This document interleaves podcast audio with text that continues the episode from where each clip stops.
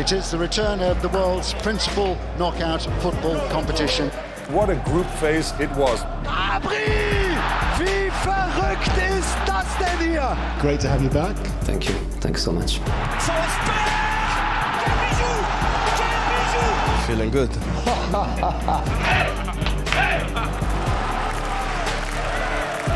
the start of the knockout phase of this season's Champions League. Auf Haaland, Haaland! Super Tor. Und jetzt 2-0, oder? Che arriva calcia Ilicic! 4 gol! You can't write this stuff. Yes!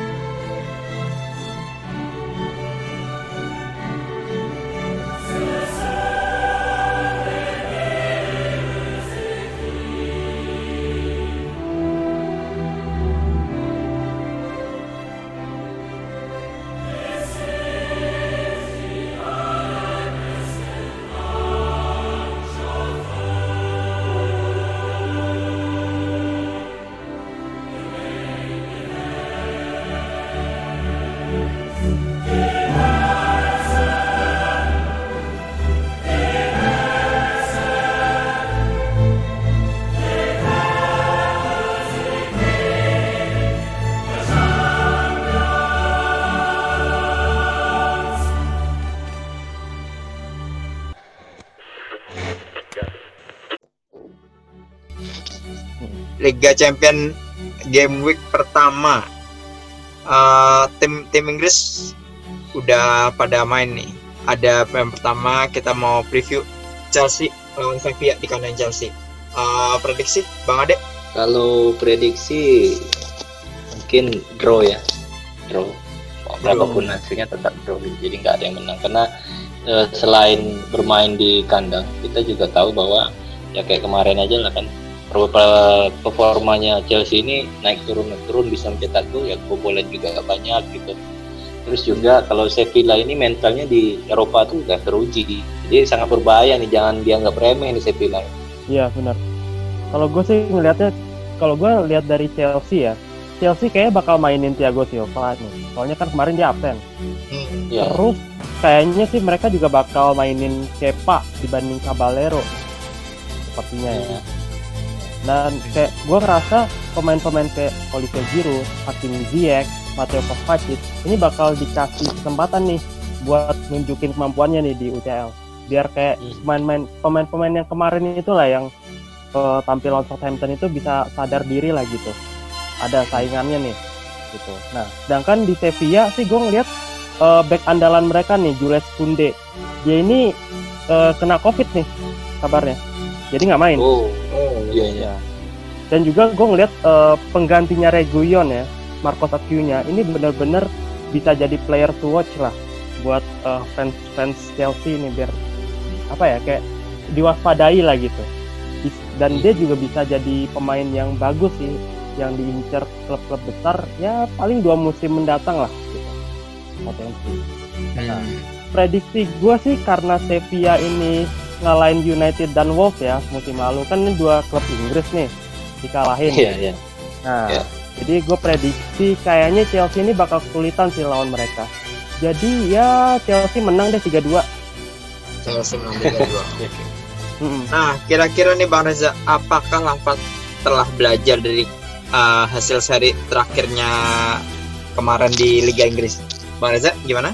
Tuh, ya, kalau gue ya, gue ngelihat eh, kalau sampai eh, Sevilla main eh, seperti biasanya di Eropa, karena ini bedanya Sevilla sama sorry Sevilla di Eropa sama di La Liga ini berbeda sekali Iya, benar. dia cara bermainnya. Kemarin lawan Granada mereka kalah 1-0.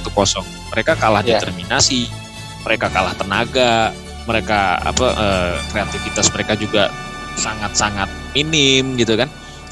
Kalah kalah semuanya dari Granada. Walaupun Granada secara materi di bawah Sevilla dan mereka hanya bisa cetak satu gol ya wes satu gol. Karena memang materinya uh, Granada nggak gimana gimana nah lawan Chelsea gue sih berharap begini. Kalau Lampard ini orang yang belajar ya i, dia dia harus memperbaiki bagaimana dia uh, bertahan. Karena melawan klub seperti Southampton yang materinya jauh di bawah ya nggak jauh sih maksudnya uh, di bawah Chelsea ya apalagi ngelawan Sevilla. Kalau Sevilla bermainnya di Eropa tahu sendiri kan. Dia uh, yeah. motivasinya ganda ya. Karena Sevilla main di Eropa nggak seperti Sevilla main di La Liga. Kalau di Eropa Sevilla ini mobile. Semua pemainnya mobile. Mau cuman Jolis Conde-nya kena Covid juga kalau bilang sih nggak masalah. Mereka masih ada Carlos di tengah masih ada Gomez di tengah. Dan uh, wingbacknya bahaya ini ya. Dua-duanya yeah. si, Sevilla ya. Karena Jesus Navas itu Jesus Navas sama Escudero ini berbahaya ini. Uh, dia punya crossing crossing yang bagus yang uh, akurat. Lalu kalau pemain Sevilla numpuk di kotak penalti ada tiga pemain lah misalnya. Tiga pemain Sevilla di kotak penalti Chelsea apa yang harus? Tapi bagaimana Chelsea menghadapi tiga pemain yang berbahaya di kotak penaltinya? Sementara melawan Southampton aja mereka kepayahan. Dan gue sih notisnya di Chelsea bagaimana dia bisa bertahan. Kalau bertahan dia sudah solid maka uh, struktur permainan mereka organisasi pertahanan antar lininya juga semakin baik sih kalau gue bilang. Chelsea bukan tim jelek materinya luar biasa cuman dia bermasalah di pertahanan. Skor akhir dua sama buat gue dua sama. Oke itu review kita Chelsea Sevilla. Uh, berikutnya PSG melawan MU uh, kalau kita masih ingat nih terakhir kali uh, MU bertandang ke PSG ada ceritanya tersendiri lah. Gimana menurut uh, Bang Reza sebagai fans MU gua fans MU selalu pengen menang lah MU lah lawan uh, PSG ya. Karena begini uh, materi MU bagus ya. Kalau gue bilang MU punya peluang untuk menang di Paris tapi bermasalah begini uh, PSG awal musim di Liga Prancis memang jelek performanya ya. tapi belakangan dia bagus nih belakangan yeah. bagus banget mainnya nih Benar. Ya. Uh, kita kalau melihat kemarin lawan uh, Nims uh, di Liga Prancis kalau nggak salah PSG menang 4-0 gitu loh. Ya, 4-0 Mas. Benar. Ya, kalau nggak salah ya. Jadi ya, benar, kalau benar. Uh, secara peningkatan permainan udah jelas ini uh, PSG lagi bahaya-bahayanya banget nih. Walaupun kemarin Neymar aja nggak main, walaupun Neymar iya, nggak ya, main. Ya. uh, tapi bukan berarti kekuatan PSG hanya di Neymar ya. Di ini uh, perlininya PSG ini uh, merata sekali. Artinya merata bukan uh, so-so tapi ini kualitasnya kualitas luar biasa. Kita di lini depan aja yang namanya Kylian Mbappe ini kecepatan, akselerasi, agility sama visinya belum ada yang bisa nandingin. Ya back-back MU kayak Mike Wire saya sama Lindelof ini harus kerja ekstra keras ya. Benar-benar kerja ya, ekstra keras. Yang sebenarnya yang yang gue harapin eh, yang bisa menghentikan Mbappe sebenarnya adalah si Eric Bailly nih. Eric Bailly, Bailly. cuman nggak bisa main gitu kan. Karena Eric Bailly kan punya kecepatan, ya punya kecepatan yeah. dan dia timingnya oke okay, gitu. Sementara kalau cuman fokus sama Mbappe di kiri, lalu bagaimana Pablo Sarabia di kanan gitu loh. Tapi uh, good newsnya kemungkinan ya Alex Telles bisa main gitu loh. Nah, Alex Telles sudah yeah, main. Yeah. Nah, cuman yang dinotis adalah lini tengahnya PSG sama MU gue sih masih bagus uh, punya MU ya karena MU uh, diisi sama Bruno, ada Van de Beek, ada Pogba, ada Fred, ada McTominay dan mereka itu uh, secara kualitas kita nggak usah bahas lah ya. Itu udah udah sebenarnya udah jadi keuntungan ya advance-nya oleh tapi kalau yeah, iya. gue pribadi PSG akan menang sih kalau menurut gua. PSG menang 2-0 atau 2-1 yes. 2-0 oke. Okay. Bang David? Hmm. Kalau gue sih gue lebih ngelihatnya ini sebenarnya pertandingan reuni ya antara Ander Herrera dan Angel Di Maria gitu ketemu teman-temannya yeah. lagi nih di Manchester United nih. Dan Cavani. Jadi Cavani juga Cavani ya, juga. Iya Cavani juga nih kan. Terus uh, kalau untuk PSG sih pemain-pemainnya Verratti, Tilo Kehrer sama Icardi ini diragukan nih buat tampil. Tapi kayaknya itu nggak berpengaruh besar ya buat PSG. Nggak ngaruh masih ada Becker sama Florenzi ya kan. Makanya iya. iya. Terus gue ngelihat uh, di lima pertandingan terakhir nih PSG ini clean sheet-nya empat kali loh. Berarti ini pertahanannya bener-bener mantep banget ya.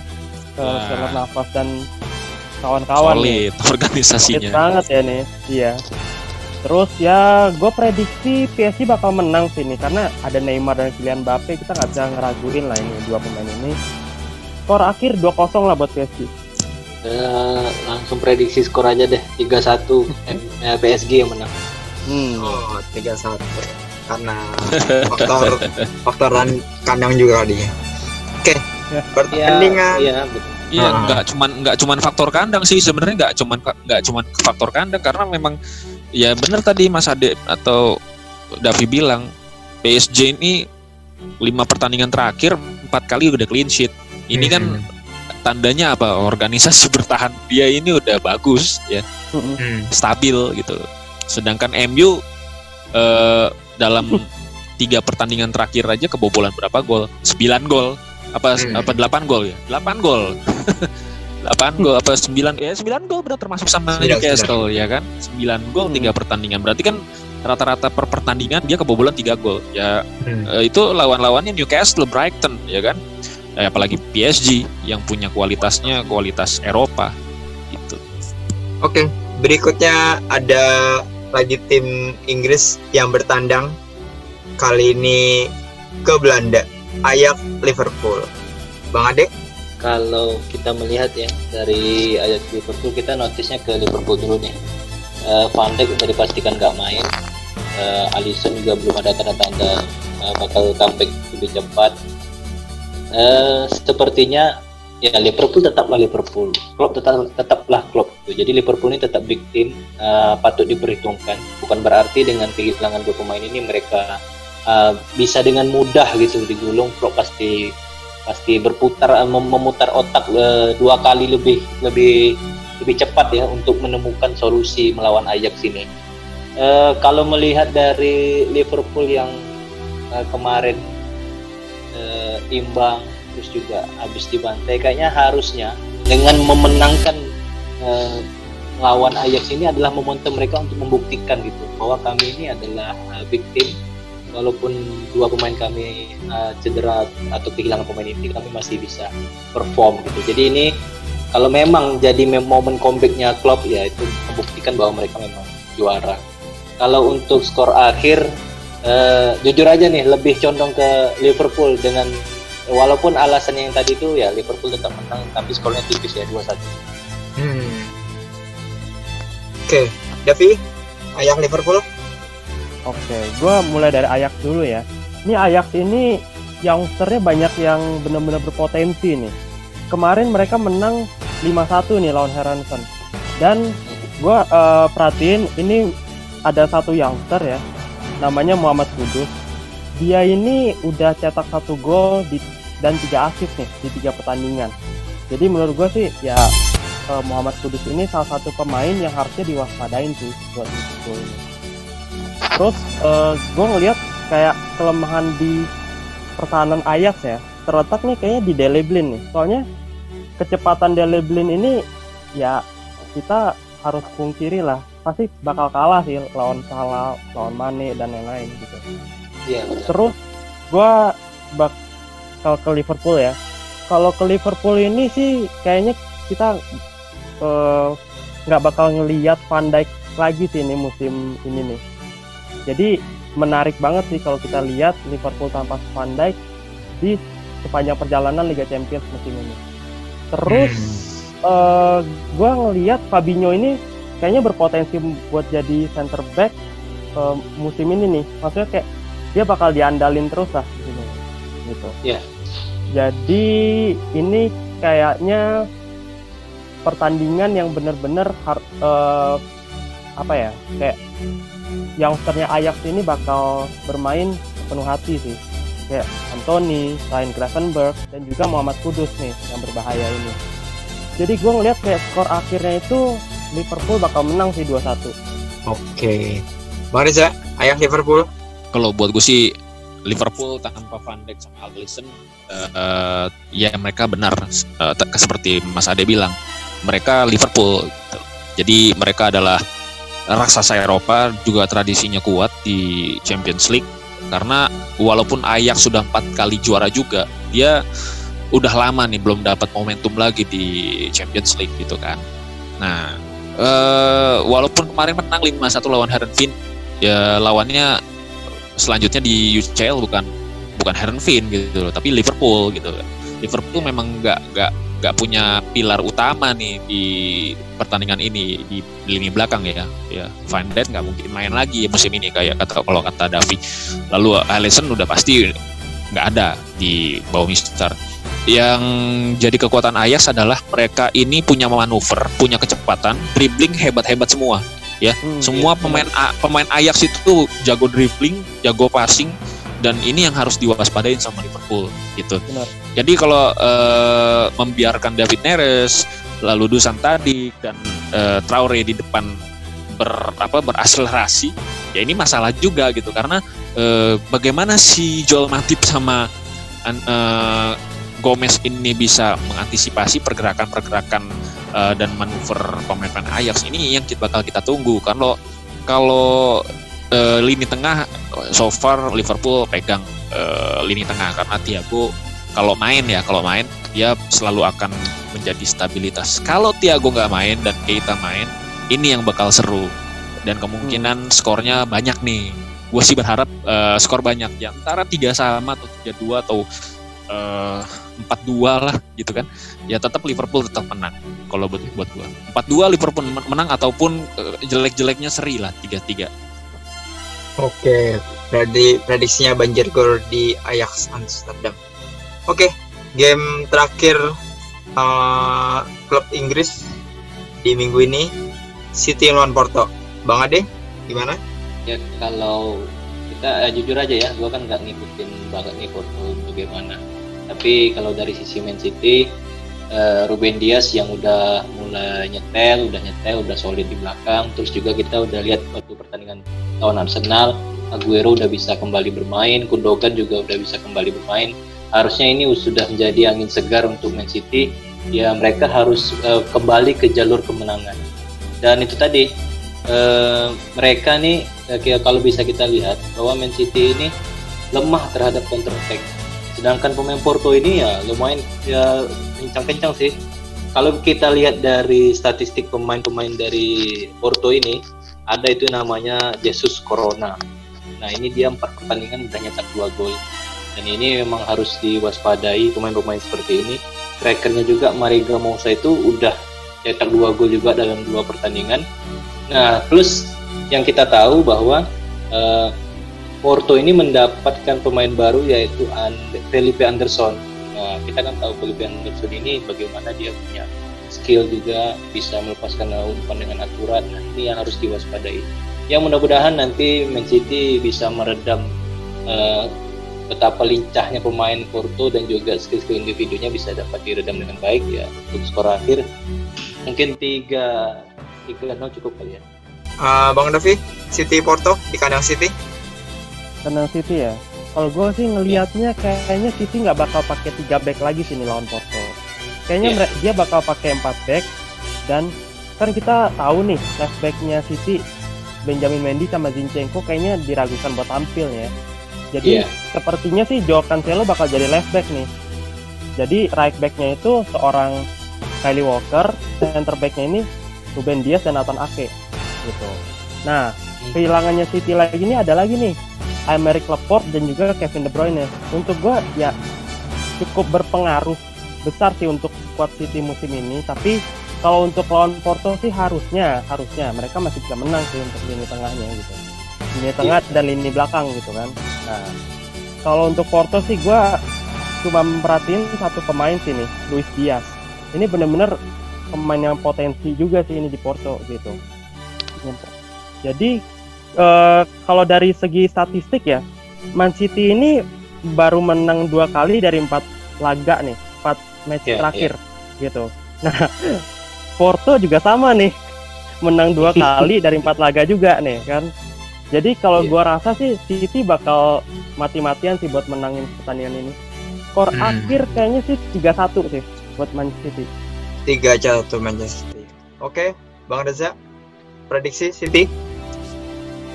gue sih prediksiin tetap ya eh, ada di Manchester City ya ada di tuan rumah lah peluang menangnya cuman yang perlu dinotis begini kemarin waktu di Primera Liga itu eh, FC Porto sempat unggul 2-1 di pertandingan big match ya lawan Sporting Lisbon. Cuman mereka kehilangan konsentrasi ya. Jadi akhir mereka dikurung oleh Sporting Lisbon akhirnya jebol lah itu eh, gawang Porto. Dua-dua skor akhir. Dan itu meng- menggambarkan sebenarnya gambaran besar banget ya. Karena sebagian besar pemain intinya Porto kemarin main gitu kan. Hmm. walaupun Felipe walaupun Felipe Anderson juga main dari bench ya. Ya, gue lihat eh, yang yang menjadi masalah begini. Kalau FC Porto bisa bermain stabil lawan City ya eh, tidak terlalu apa eh, eh, te- menga- apa eh, meladeni eh, pemain-pemain Manchester City yang secara teknik luar biasa ya. Kan cara cara eh, meredam pemain-pemain dengan kualitas teknik yang bagus itu kan memang harus disiplin. Jadi kalau eh, Porto bisa disiplin, bisa eh, meredam pemain-pemain apa pemain City seperti eh, Bernardo, lalu Riyad Mahrez, apa Mahrez, lalu mungkin pun Aguero udah bisa main mungkin ya. Kalau pemain-pemain kayak gini nih yang pilar-pilar City ini bisa diredam pergerakan mereka, distribusi bolanya di apa dibatasi, tidak terlalu leluasa. Ya ini sih treat treatnya ancamannya adalah saat Porto membangun serangan balik Nah ini yang jadi kuncinya karena eh, Luis Diaz, Jesus Corona, Otavio, Marega itu pemain keker semua, pemain dengan speed yang luar biasa, body balance juga kuat ya. Lalu agility juga mereka punya. Ya ini ini masalahnya kalau sampai eh, kejadian kayak waktu perempat final Champions League musim lalu City kalah dari Lyon skor 3-1 ya Bang.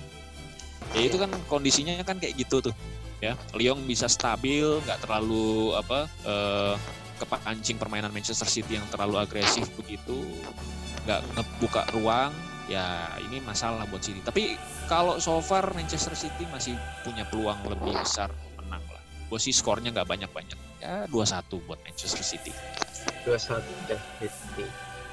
Oke, eh, eh, itu preview Liga Champion kita untuk yang minggu pertama.